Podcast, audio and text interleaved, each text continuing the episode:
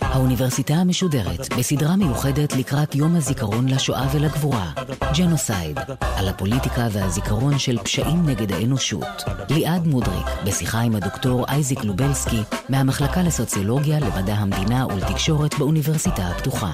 והפעם, על רצח העם בארמניה. עורכת ראשית, מאיה גאייר. שלום לכם. אנחנו ממשיכים בסדרה המיוחדת של האוניברסיטה המשודרת העוסקת בחקר הג'נוסייד, רצח העם. בפרק הראשון ביקשנו להבהיר מה מגדיר את המושג ומהם התנאים להיווצרותו, ובשני הפרקים הבאים נתעמק בשני מקרי בוחן של ג'נוסייד, שניהם מן המאה ה-20, רצח העם בארמניה ורצח העם ברואנדה, שיאפשרו לנו לבחון את אותן הגדרות ולהבין כיצד מתחולל אירוע בלתי נתפס שכזה. איתנו שוב דוקטור אייזיק לובלסקי, מרכז הקורס ג'נוסייד מהמחלקה לסוציולוגיה, למדע המדינה ולתקשורת באוניברסיטה הפתוחה. שלום לך. שלום רב. אז כאמור, דיברנו בפרק הקודם על ההגדרות של ג'נוסייד, ואנחנו רוצים, עוד לפני שנצלול לנבחם של שני אירועים היסטוריים אה, משמעותיים בהקשר הזה, לנסות להבין ממך עד כמה מדובר באירוע יוצא דופן. זאת אומרת, כמה אירועים היסטוריים בכלל עומדים בהגדרה הזאת של רצח עם. הייתי רוצה לחשוב שאפשר לספור אותם על יד אחת. אני טועה. אני חושב שאת אה, טועה. קשה לספק תשובה מובהקת ומוחלטת לשאלה הזאת, כי יש לא מעט מקרים של ג'נוסייד שכפי הנראה התקיימו בעבר והם לא מתועדים, לדבר ראשון. אנחנו יכולים להתייחס גם למקרים שהם בעלי אופי ספק היסטורי, ספק מיתולוגי, כמו הצו האלוהי להשמדת העמלקים שאין לנו באמת מושג האם הדבר הזה יתקיים או לא, אבל בוודאי שמדובר כאן בהוראה חד משמעית לביצוע ג'נוסייד, ברמה הערכית לפחות. אני חושב שהמקרים המוכרים לנו והמקרים שמתועדים הם מקרים שמתחילים להיספר במאות השנים האחרונות. אנחנו אה, מדברים בעיקר על מקרים שקשורים במפגש הקולוניאלי בין אה, מעצמות אירופיות לבין אוכלוסיות ילידיות, בראש ובראשונה ביבשת אמריקה, גם אה, באוסטרליה, המפגש של הבריטים עם האבוריג'ינים הוא מפגש טעון מאוד בעל מאפיינים ג'נוסיידיים בוודאי.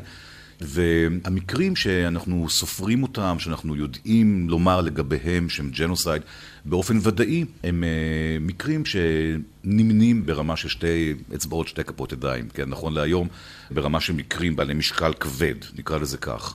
הסיפורים שאנחנו מספרים אותם בהקשר הזה ברמה המחקרית הם אה, סיפורים בעלי גם אופי בעייתי, כיוון שקשה מאוד להוכיח באופן uh, מוחלט שמקרה מסוים, שאנחנו תופסים אותו כג'נוסייד, שאכן הוא כזה. כן. כי כדי להוכיח אה, שאכן הדבר הוא כך, אנחנו חייבים הוכחות משפטיות שיראו שאכן הממשלה שביצעה את אותו ג'נוסייד, לכאורה או שלא לכאורה... הייתה לה כוונה מוקדמת. בדיוק. ואם ניקח לדוגמה מקרה קלאסי ברמה הזאת של תפיסה אמביוולנטית, אה, מה שקורה עם האוכלוסייה הילידית של האינדיאנים, כפי שמכונים בארצות הברית במאה ה-19, שם במשך כמה עשרות שנים אה, נעלמת אוכלוסייה בסדר גודל של לפחות עשרה מיליון בני ובנות אדם. הרי שיש חוקרים שטוענים שבוצע שם ג'נוסייד, ללא שיש להם הוכחה מסודרת לעניין הזה. יש חוקרים אחרים שידברו על גורמים כמו מחלות, מגפות, כמו תזונה, כמו אלכוהוליזם וכדומה, כדי להסביר את ההיעלמות של הקבוצה האדירה הזאת. וזו רק דוגמה מובהקת למקרה שהדעת נותנת. שאכן אה, הסיבה המרכזית להיעלמות אותה אוכלוסייה היא ג'נוסייד, אבל אין לנו שום אפשרות להוכיח את העניין הזה ברמה המשפטית או המחקרית. אתה מדבר על חוסר אפשרות להוכיח, אני חושבת על ויכוחים היסטוריים. אחד הוויכוחים ההיסטוריים הגדולים ביותר עוסק באמת ברצח העם הארמני. כידוע, עד היום מסרבים בטורקיה להתייחס לזה בכלל כרצח עם. לפני שנצלול לפרטים של האירוע הזה, מקם אותנו בבקשה מבחינה היסטורית וגיאוגרפית. אז מהו העם הארמני? היכן הוא נמצא? מה ההיסטוריה שלו? הארמנים אה, הם עם אה, עתיק למדי, שחי אה, לפחות עד שנת 1915 ברובו באזור שנקרא רמת ארמניה, כך הוא קנה במשך תקופה מאוד ארוכה.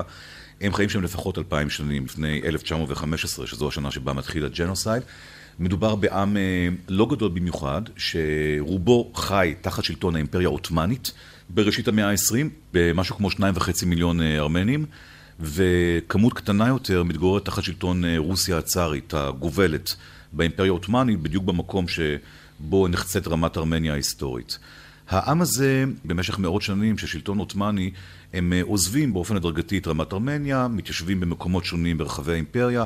יש קהילות ארמניות משגשגות גם באיסטנבול, גם באנקרה, גם באזמיר, גם במקומות אחרים. מדובר בקבוצה שבאופן יחסי לשאר הקבוצות האתניות, דתיות, לאומיות שחיות באימפריה העות'מאנית, שהיא אימפריה רב-לאומית, קבוצה משגשגת ומצליחה. הם בדרך כלל גם עשירים יותר וגם משכילים יותר משכניהם. הם אה, נוצרים, מטבע הדברים, בניגוד אה, לדת הרוב אה, באימפריה העות'מאנית, דת האסלאם, ויש להם כנסייה ייחודית משלהם, הכנסייה הארמנית, שבה חברים 90 ומשהו אחוזים מכלל הארמנים, יש גם כמה ארמנים שהם קתולים, אבל רובם חברים בכנסייה הארמנית, שהיא כנסייה שונה מכנסיות אחרות, היא כנסייה שנקראת מיה פיזיטית, כנסייה שמאמינה בכך שטבעו של ישוע, המשיח הנוצרי, היה אלוהי בלבד, והוא לא היה גם בעל טבע רוחני וגם טבע פיזי, בניגוד למה שהקתולים מאמינים בו. זו אולי גם אחת הסיבות שהקתולים לא משתגעים אליהם ברמה מסוימת, הם נתפסים כמינים, כהרטיקס. כן. ומדובר בעם אה, שיש לו תודעה לאומית מגובשת, וזו אולי הסיבה המרכזית לכך שהם נרדפים בסופו של דבר בידי הטורקים, שהיו השליטים של האימפריה העות'מאנית. זה מעניין, כי אני חוזרת להגדרות שנתת לנו בתוכנית הקודמת, שמפורטות באמנת האו"ם, ושם דיברו על קבוצה לאומית, אתנית, גזעית או דתית. נדמה. שהם עונים כמעט על כל ארבעת הקריטריונים. קבוצה גזעית אה, בוודאי שלא כל כך, כיוון כן. שבדרך כלל אנחנו צריכים שיהיה מישהו שיכוון למקום הזה. אני לא חושב שהטורקים אה, תפסו את הארמנים בדרך משקפי נכון. גזע. נכון. אבל אה, למרות שיש טענות מחקריות שיש משהו גם בעניין הזה, זה לא הדבר הדומיננטי כאן. הדבר הדומיננטי כאן הוא גם לא העניין הדתי. והראיה לכך היא העובדה שבאימפריה העות'מאנית מתגוררים מיעוטים דתיים רבים אחרים, ביניהם גם יהודים לצורך העניין, גם יוונים אורתודוקסים, גם קבוצות נוצריות אחרות, שברובם לא נרדפים בידי האימפריה העות'מאנית. אז הלאום, זה מה שמפריע להם. הסיבה לרדיפה של הארמנים, כפי הנראה, עד כמה שידיעתנו משגת, היא העובדה שהארמנים, בדומה לקבוצות לאומיות אחרות באימפריה העות'מאנית במאה ה-19, מקימים תנועות לאומיות, יש להם שתיים כאלה, לא מספיק להם אחת, וקוראים אה, קריאות שבסופו של דבר מטרתן היא או השגת אוטונומיה שלטונית, או אולי בסופו של עניין ממש מדינה נפרדת. כלומר, יש להם ממש דרישות לאומיות. יש להם דרישות בדומה לדרישות שהיו לתנועה הלאומית היוונית, שמשיגה את יעדיה ב-1831, כאשר משתחררת מהשלטון הטורקי, וגם אה, עוד שתי תנועות לאומיות מרכזיות, בבלקן של הסרבים. ושל הבולגרים, שגם להם יש תנועות לאומיות שקוראות להשגת עצמאות, והן משיגות את יעדיהם ב-1878. אז למה הקבוצות האחרות מצליחות ודווקא הארמנים נתקלים בחומה בצורה מצד ה... זו שאלה מצוינת. יש לכך אה, שתי סיבות מרכזיות, אני חושב. סיבה אחת קשורה לעובדה ששלוש התנועות הלאומיות האחרות שציינתי, גם היוונית, גם הבולגרית וגם הסרבית, הן תנועות שנמצאות בבלקן, או קרובות מאוד לאירופה. ומבחינה הזאת, למעצמות האירופיות המערביות יש אינטרסים מיידיים לסייע לתנועות האלה כנגד האימפריה העות'מאנית, אה, בחצר האחורית שלהם. הארמנים שוכנים ברמת ארמניה, שהיא בחלק המזרחי של טורקיה של ימינו, באזור הר ערערת, זה המקום המקודש להם, והם רחוקים מאוד מאירופה, ככה שאין פה את ההיבט המיידי הזה של ניסיון אה, מערבי לסייע להם כן. ולחבור כן. אליהם.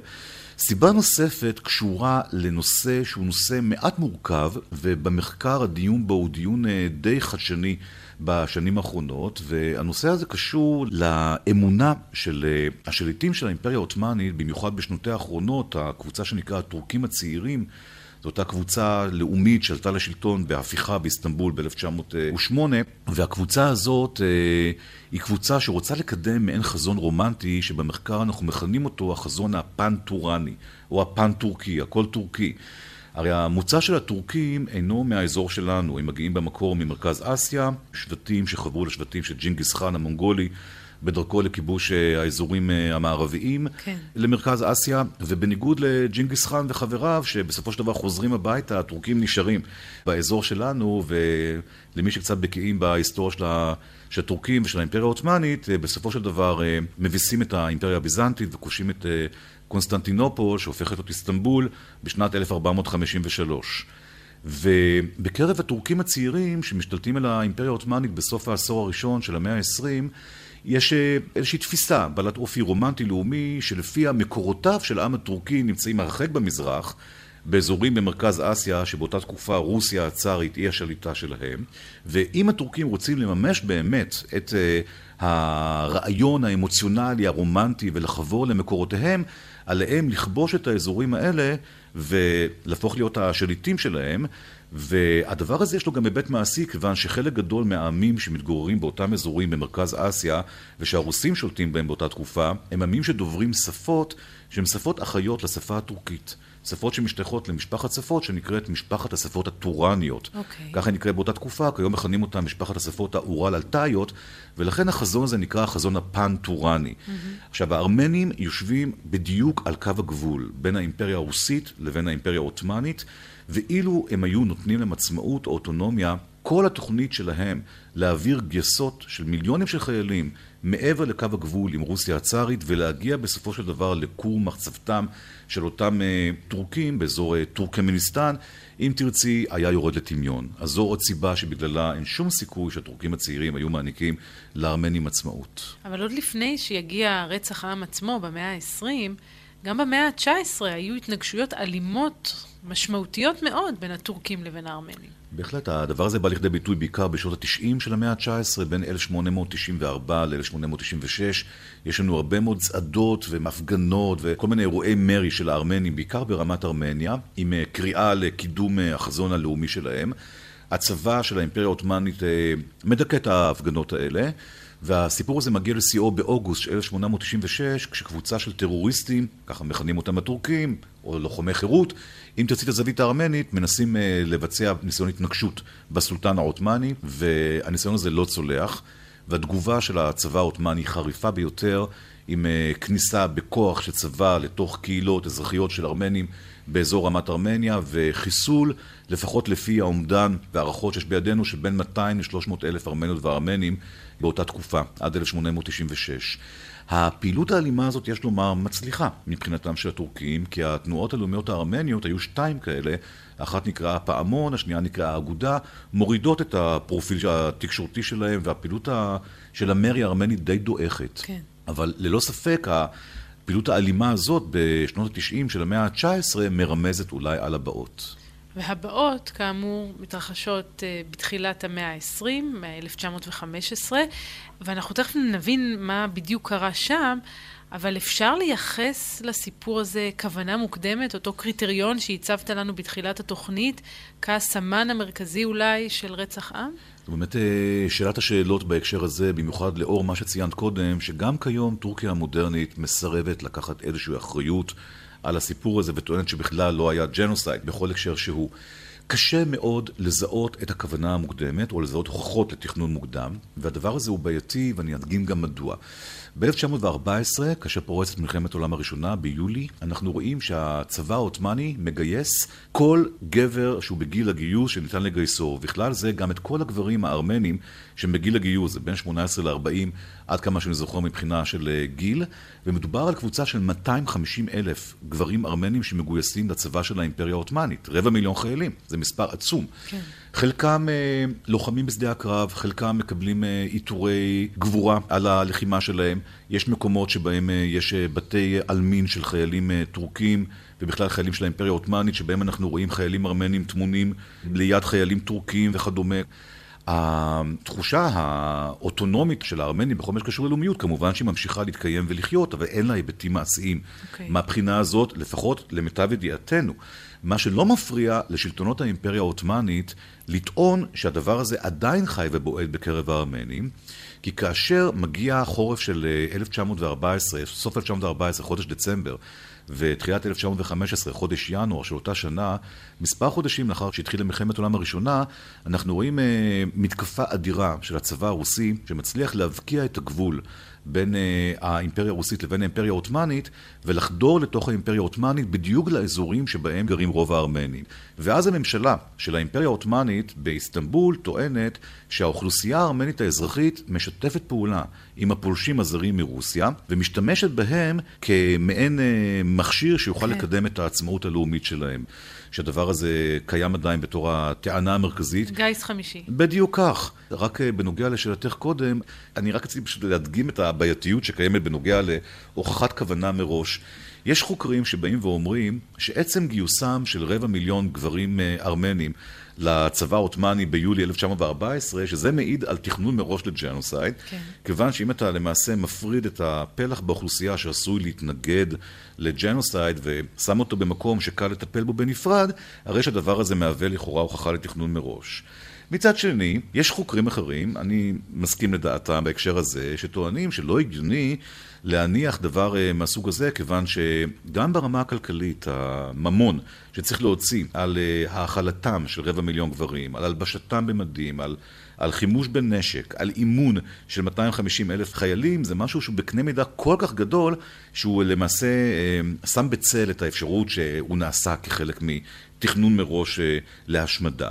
ואם אנחנו מקבלים את הטענה הזאת, הרי שיש לנו חלון זמנים מאוד מצומצם בין יולי 1914 לבין חודש אה, אפריל 1915, שאז אה, פחות או יותר ניתן להתחיל לדבר על אה, תחילתו של הג'נוסייד, לפחות ברמה הרעיונית, יותר במציאות ביוני 1915 מתחיל הג'נוסייד ברמה מסיבית, יש לנו חלון זמנים של בערך משהו כמו תשעה חודשים, עשרה חודשים, שבו כפי הנראה משתנה הלך הרוח אצל הממשלה ששולטת באימפריה העות'מאנית, ממשלתם של הטורקים הצעירים, ומתקבלת ההחלטה להשמיד את הארמנים. אז ספר לנו מה בדיוק היה שם. בוא נעבור לאפריל 1915, אתה אומר ההתחלה הרעיונית של הג'נוסייד, משם נעבור ליוני 1915. מה קורה שם? בלילו של ה-24 באפריל 1915, כוחות המשטרה העות'מאנית עוצרים באיסטנבול קבוצה של קרוב ל-250 גברים, שהם האליטה של הקהילה הארמנית באיסטנבול, מדובר גם בסוחרים, גם באנשי דת, גם ברואי חשבון, גם באינטלקטואלים, ומעלימים אותם.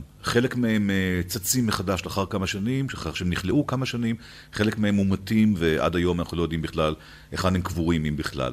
הצעד הזה נחשב במחקר כאקדח המעשן, אם תרצי, הצ'כובי המובהק, כי מה בדיוק הטעם להעלים אה, את ההנהגה של קהילה ארמנית גדולה, שמונה מעל למאה אלף אנשים, מעל מאה אלף ארמנים שמגורים באיסטנבול, אלא אם כן אתה רוצה להשאיר את הקהילה הזאת כעדר ללא רועים, כן. ולכן התאריך הזה עד היום הוא זה שבו הארמנים ברחבי העולם משתמשים בו. כדי לציין את אה, יום השנה לג'נוסייד שהם אה, חוו ב-1915 ואילך, ה-24 באפריל. ומה קורה ביוני? בתחילתו של חודש יוני 1915, הצבא העות'מאני בעצם מוצא שם איזשהו צו צבאי שאומר בלשון מכובסת שמותר לצבא מעתה ואילך לגרש ממקום מגוריה כל אוכלוסייה לא טורקית, ככה זה מוגדר, לא כתוב שם ארמנית בפירוש, כתוב לא טורקית, שנחשדת בפגיעה במאמץ המלחמתי, במלחמת העולם הראשונה. במקביל לפרסום הצו הזה, מתארגן לו כוח צבאי משטרתי שמכונה צ'טה בטורקית, mm-hmm. כוח שכדי אה, לאכלס אותו מבחינה של אה, כוח אדם, מאתרים אה, כל מיני פסיכופטים שכלואים בבתי כלא ברחבי האימפריה העות'מאנית, אנשים שהורשעו ברצח, באונס, בפשע אלים, משחררים אותם, נותנים להם למעשה חנינה תמורת שירות באותו כוח צבאי שמיועד להיות הכוח שהוא זה שיטפל בגירוש של כשניים וחצי מיליון ארמנים שמתגוררים ברחבי האימפריה העות'מאנית. ובתחילתו של חודש יוני מתחיל פרויקט הגירוש ההמוני הזה, שעל פי הטורקים ברובם עד היום, גם מסתיים אך ורק בגירוש. ככה הם רואים את זה. הטענה של הטורקים, גם היום וגם uh, באותה תקופה בזמן אמת ב-1915, שבגלל שאותם ארמנים שחיים באזורי הגבול עם האימפריה הרוסית, מסייעים לכאורה לרוסים במה הפגישה, צריך להרחיק אותם מאזורי הקרב ולמנוע בעצם את האפשרות שלהם להמשיך ולסייע לאויב. עכשיו, אילו הטורקים היו באמת מגרשים אך ורק את הארמנים שגרו באותם אזורים, היינו אומרים אולי דיינו, אולי ניחא, אולי היינו יכולים לדבר גם על משהו לא תקין, אבל לא היה מדובר פה אולי בג'נוסייד. הנקודה היא שמגרשים את כל הארמנים מכל רחבי האימפריה העות'מאנית, גם מיישובים שמרוחקים אלפי קילומטרים מהחזית הרוסית. איסטנבול מרוחקת אלפי קילומטר מהחזית הרוסית, אנקרה בוודאי, איזמיר בוודאי, ומכל המקומות האלה הארמנים מגורשים. שניים וחצי מיליון. חיו כשניים וחצי מיליון ארמנים ב-1914 באימפריה העות'מאנית. לאחר סיומה של מלחמת העולם הראשונה והקמת טורקיה המודרנית ב-1923, כמה שנים לאחר מכן, אנחנו מדברים על כמה עשרות אלפי ארמנים שחיים בטורקיה. כיום מדובר על משהו כמו, אם אני לא טועה, כ-70 אלף ארמנים שחיים בטורקיה. אבל מה קורה איתם, עם אותם שני מיליון וחצי ארמנים? זו שאלת השאלות. קודם כל, כל הארמנים האלה שמגורשים, הכוח המשטרתי-צבאי הזה, הצ'טם, מגיע לכל מקום שבו מתגוררים ארמנים, בין אם מדובר בכפרים קטנים, עיירות או ערים. הם בדרך כלל נותנים להם 24 שעות להתפנות מהבתים שלהם, הם פוקדים עליהם להתייצב בתוך 24 שעות בשערי הכפר בשערי העיירה שבה הם מתגוררים, הם מאפשרים להם לשאת על גופם כל מיני דברים שיכולים אה, לשאת אותם, אה, לפעמים מאפשרים להם לקחת איזשהו חמור או פרד או משהו כזה שיסייע להם במסע.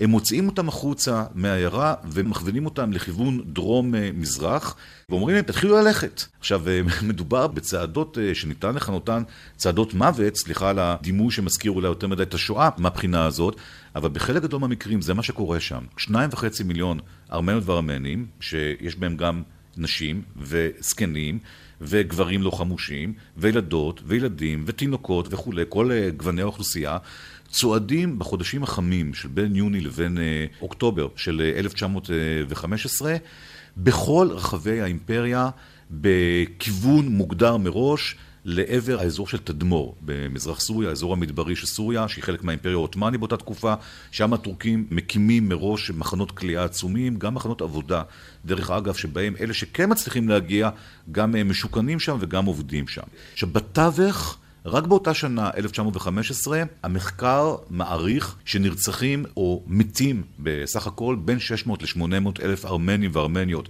רק באותם כמה חודשים, וואו. בין יוני לאוקטובר-נובמבר של 1915, ואלה שכן מגיעים בסופו של דבר למחנות במזרח סוריה, שוהים שם כמה שנים בהמשך, ושם דמם מותר. כל אדם שרוצה יכול להיכנס למחנה כזה לרצוח ארמני, אף אחד לא עושה לו שום דבר. כל אדם שרוצה יכול להיכנס למחנה שכזה לאנוס נשים ארמניות ואף אחד לא עושה לו שום דבר. ואנחנו מדברים כאן על תמותה של עוד מספר כפול, פחות או יותר, עד לשנת 1923. עוד הרבה לאחר קריסת האימפריה העות'מאנית וסיום מלחמת העולם הראשונה, כן. והמספר מגיע בסופו של דבר לכמיליון וחצי קורבנות. תשמע, זה באמת סיפורים שקשה להכיל אותם. אני רוצה לשאול, מה מקור הוויכוח אז? על האם היה כאן רצח עם או לא. האם הוא ויכוח עובדתי, שהטורקים אומרים, אנחנו רק גירשנו ולא הרגנו ולא רצחנו, או שזה ויכוח על התכנון מראש, או המניע, זאת אומרת, המניע שלנו היה צבאי ולא חלילה וחס לפגוע באוכלוסייה הזאת. מה שורש המחלוקת? יש כאן אה, כמה שורשים למחלוקת הזאת. השורש הראשון מבחינת טורקיה המודרנית כיום הוא הטענה של טורקיה שהיא לא אימפריה עות'מאנית. הם גם צודקים. באותה מידה היינו יכולים לפנות כיום לאוסטריה המודרנית, הדמוקרטית, ולגרום להם לקחת אחריות על מעשים שביצעה האימפריה האוסטרו-הונגרית. אף אחד לא עשה דבר כזה מעולם, וסביר להניח שגם דבר כזה לא ייעשה בעתיד. אז הטענה הטורקית לכאורה מנקה אותם מכל אחריות למה שהאימפריה העות'מאנית ביצעה בזמן מלחמת העולם הראשונה, כי כאמור טורקיה המודרנית מוקמת בידיו של אה, מוסטפא כמאל, אטאטורק, כך הוא מכונה, רק בשנת 1923, כרפובליקה דמוקרטית. אבל זה כאילו, אתה יודע, כמו ניצחון טכני כזה, זה טיעון שאומר, כן. בסדר, אבל לא מתייחס לשורש השאלה האם היה כאן רצח עם או לא, אלא אומר, אוקיי, אבל זה לא אנחנו, זה לא אשמתנו. נכון. הטיעון הזה הוא גם בעייתי, כיוון שחלק גדול מהצמרת של האימפריה העות'מאנית עושה את דרכה ישירות לצמרת של אה, הרפובליקה הטורקית המודרנית, ככה שגם הטענה הזאת היא נתונה בספק. בואי נאמר כך. לגבי הסיפור עצמו, הגרסה הרווחת בטורקיה היא שמעולם לא היה ג'נוסייד ושהטורקים הם עם חנון ורחום שמעולם לא ביצע ג'נוסייד באף אחד. לראיה ראו את הניצולים או הפליטים היהודים שמצאו מקלט בטורקיה בזמן מלחמת העולם השנייה, מה שגם נכון. זאת טענה יותר מעניינת, כי היא כבר נוגעת לשורש העובדות. נכון, והם טוענים בגדול, רוב הטורקים שהארמנים פשוט אה, חיברו איזושהי עלילת דם. שמוטחת בעם הטורקי ללא שום הצדקה. בזה מאמינים רוב הטורקים, נקודה. גם על סמך שיחות אישיות והיכרות עם אה, טורקים. אני אומר את זה חד משמעית. עכשיו, אה, הסיפור כאן הוא או שמתקיים כאן איזשהו תהליך של אה, הדחקה פסיכולוגית נוראית, שמסגרתה עם שלם מסרב לדון באיזושהי לקונה מאוד מאוד אפלה בעברו, או שאולי הארמנים משקרים. כן, יש פה שתי אפשרויות, אין פה יותר מדי אה, גוונים אה, שונים. חבר'ה, היסטוריונים, מה קורה? תנו לנו את האמת. את יודעת שכל המנהיגים הפוליטיים שבאים וטוענים כנגדם את הטענה הזאת, מה קורה? למה אתם לא דנים בסיפור הזה, בג'נוסד הארמני, כשפרס, זיכרונו לברכה, היה אה, נשיא המדינה, שאלו אותו כל הזמן, למה ישראל לא מכירה בג'נוסד הארמני? הוא אמר, זה עניין להיסטוריונים לדון בו, זה לא, לא עניין לפוליטיקאים. כשארדואן מנהיג טורקיה כבר uh, מזה לא מעט שנים, uh, שואלים אותו את אותה שאלה, אז הוא בא ואומר, תראו, זה עניין היסטוריונים, זה לא עניין שפוליטיקאים צריכים לדון בו.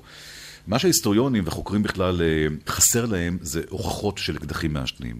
אין לנו בידיים מסמכים של החלטות של ממשלת האימפריה העות'מאנית שבה נכתב שחור על גבי לבן, מעתה ואילך אנחנו נשמיט את הארמנים וזה יתבצע בצורה שכזו. הדברים האלה אבל... לדוגמת הפתרון הסופי. גם הפתרון הסופי הוא לא בדיוק הוכחה של אקדח מעשן אה, בינינו, כי גם עליו ברמה המשפטית ניתן להתווכח, הרי ניתן לבוא ולומר שכוונתו של מנסח צמד המילים הנורא הזה הייתה לשלוח את היהודים כן. לגלות במזרח אירופה, כי לא מוזכר שם ההרג, כן. החיסול. ברמה המילולית. שם אנחנו יודעים מה אירע בסופו של דבר, אבל מכחישי שואה משתמשים בדיוק בטיעון הזה, בשביל לבוא ולהגיד שגם ועידת ואנזה היא בגדר אה, משהו שלא פורש כהלכה. על אחת כמה וכמה במקרה של הג'נסד הארמני, שרמת התיעוד שלו בזמן אמת היא נמוכה בהרבה, גם בגלל התאריך והאמצעים הטכנולוגיים, 1915, אבל קיימות כל כך הרבה תמונות, יש כל כך הרבה צילומים, כן. שבהם אנחנו יכולים לראות, וכל אחד שמחפש באינטרנט ורואה את זה בזריזות, שיירות של גוויות, אני לא רוצה להיכנס כאן לתיאורים מורבידיים מדי, של ילדים וילדות ותינוקות ונשים, גוויות שזורות להם למרחקים אדירים. כשרואים את הדברים האלה, אי אפשר שלא לקבל את הטענה שבוצע כאן ג'נוסייד מכוון. עכשיו, הנקודה היא שכל מקרה ג'נוסייד הוא שונה באופיו.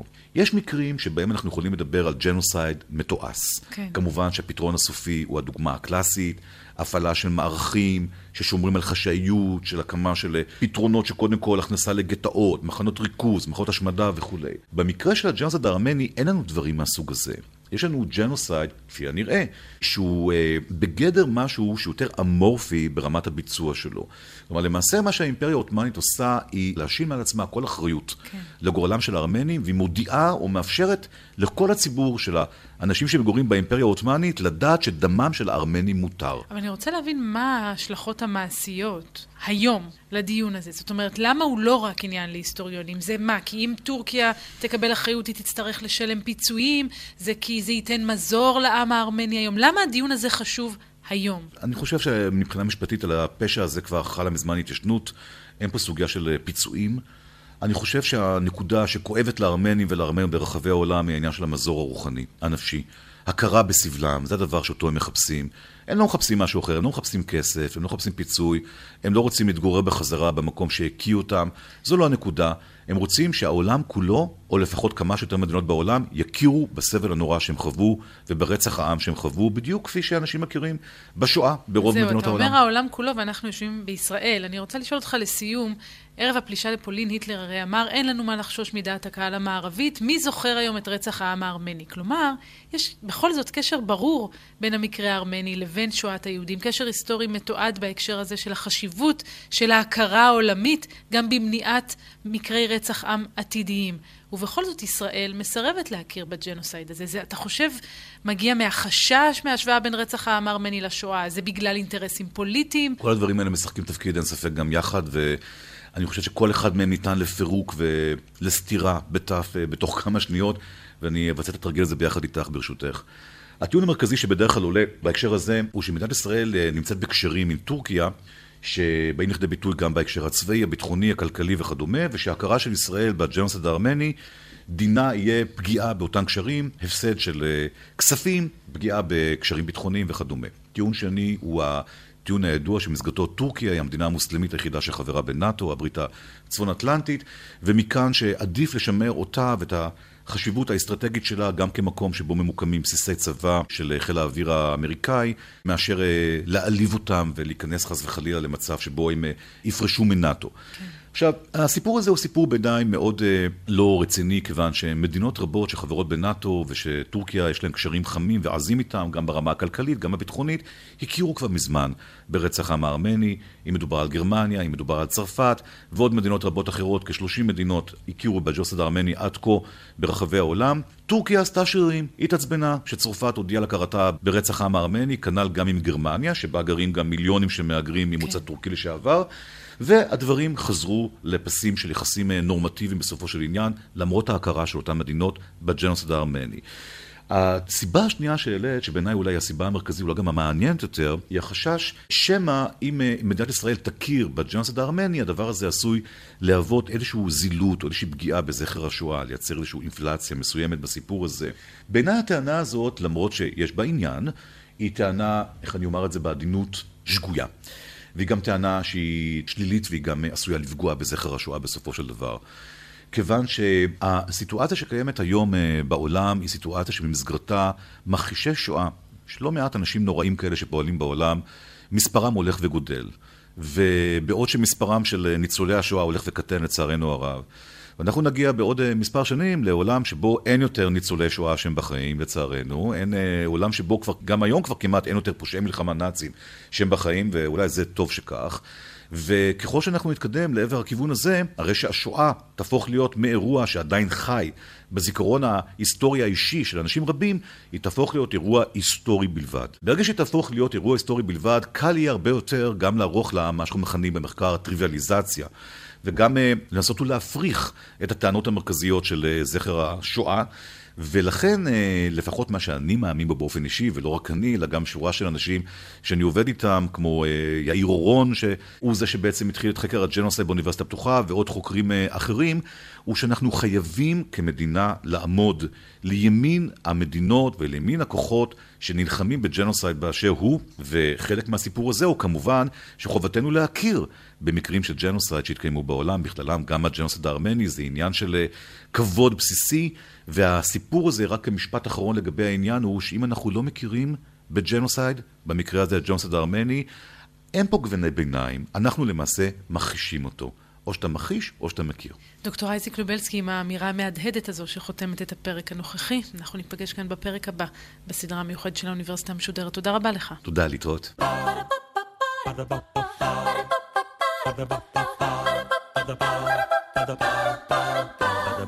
האוניברסיטה המשודרת בסדרה מיוחדת, ג'נוסייד, על הפוליטיקה והזיכרון של פשעים נגד האנושות. ליעד מודריק שוחחה עם הדוקטור אייזיק לובלסקי, מהמחלקה לסוציולוגיה, למדע המדינה ולתקשורת באוניברסיטה הפתוחה, על רצח העם בארמניה. עורכת ראשית, מאיה גאייר. עורכים ומפיקים, עומר עובדיה ודניאל סלומון. ביצוע טכני, הילה מזרחי. האוניברסיטה המשודרת, בכל זמן שתרצו, באתר וביישומון גלי צה"ל, ובכל מקום בו אתם מאזינים להסכתים שלכם.